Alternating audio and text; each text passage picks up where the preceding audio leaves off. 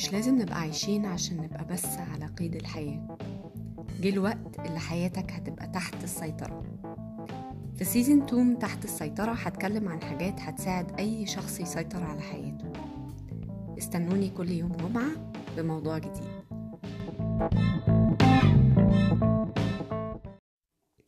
أنا نور النحلاوي صيدلانية ومرشدة صحية.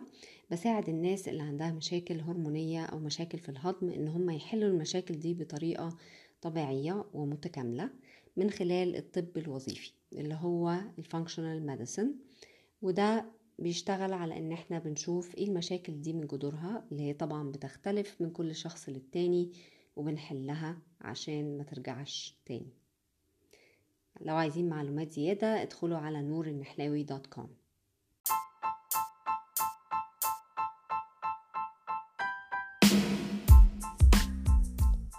النهاردة هتكلم عن ثالث وآخر اقتراح من كتاب The Healthy Deviant لكاتبة اسمها بيلار جيرازمو في الوقت اللي إحنا عايشين فيه سرعة اليوم مختلفة عن زمان.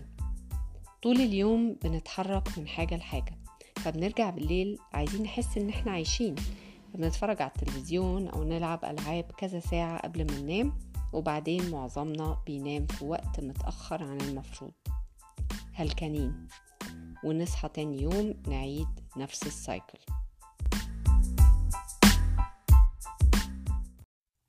جهازنا العصبي مش مصمم على كمية الأدرينالين والكورتيزول اللي بيتفرزوا خلال اليوم.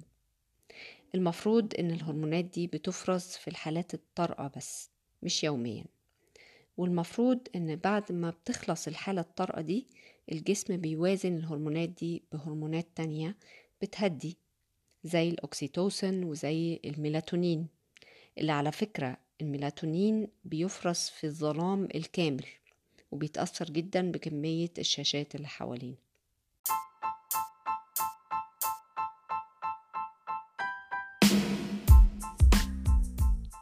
اقتراح النهاردة إن إحنا يبقى عندنا روتين كل يوم نعمله بالليل.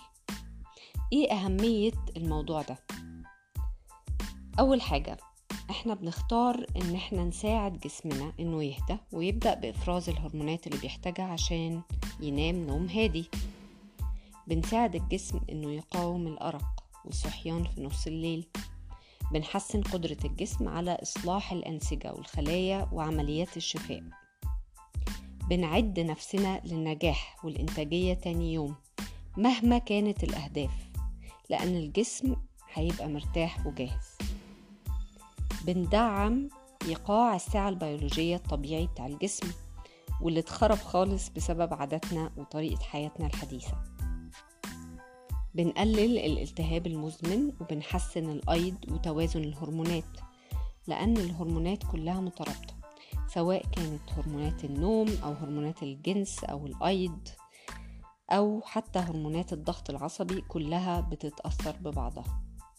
بنحسن التعافي من ضغوطات الحياة والصدمات والرياضة. حتى الرياضة جسمنا بيحتاج يتعافى منها بالذات لو كانت عنيفة.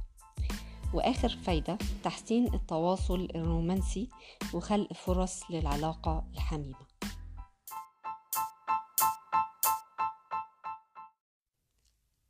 إيه بقى اللي هنعمله عشان يبقى عندنا روتين ليلي؟ أول حاجة طبعا هنختار وقت مناسب للنوم يدينا حوالي 8 ساعات قبل ما نصحى. وقبل الوقت ده بساعة هنظبط المنبه عشان نفتكر إن إحنا نبدأ نتحضر للنوم. هنقفل كل الشاشات وأي حاجة ليها علاقة بالشغل. هنبدأ نغير الطاقة اللي في البيت نقلل الأضواء ممكن نشغل مزيكا هادية أو نستمتع بالهدوء. ممكن نعمل حاجة سخنة نشربها طبعا من غير كافيين أو حتى مية دافية.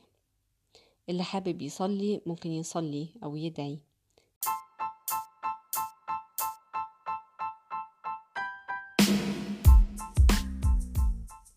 نبدأ نحضر الأوضة اللي هننام فيها زي ما بنعمل للبيبي بالظبط.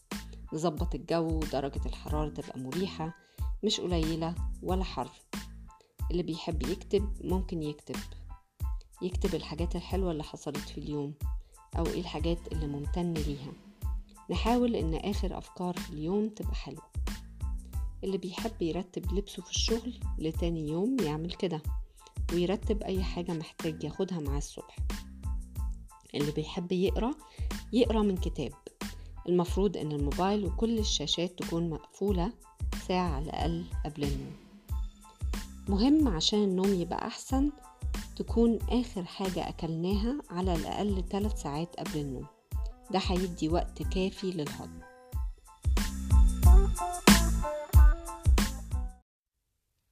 أنا بتحداكوا تعملوا الموضوع ده أسبوعين وما تلاقوش فايدة. الفكرة إن إحنا ناخد أكشن نعمل حاجة لنفسنا.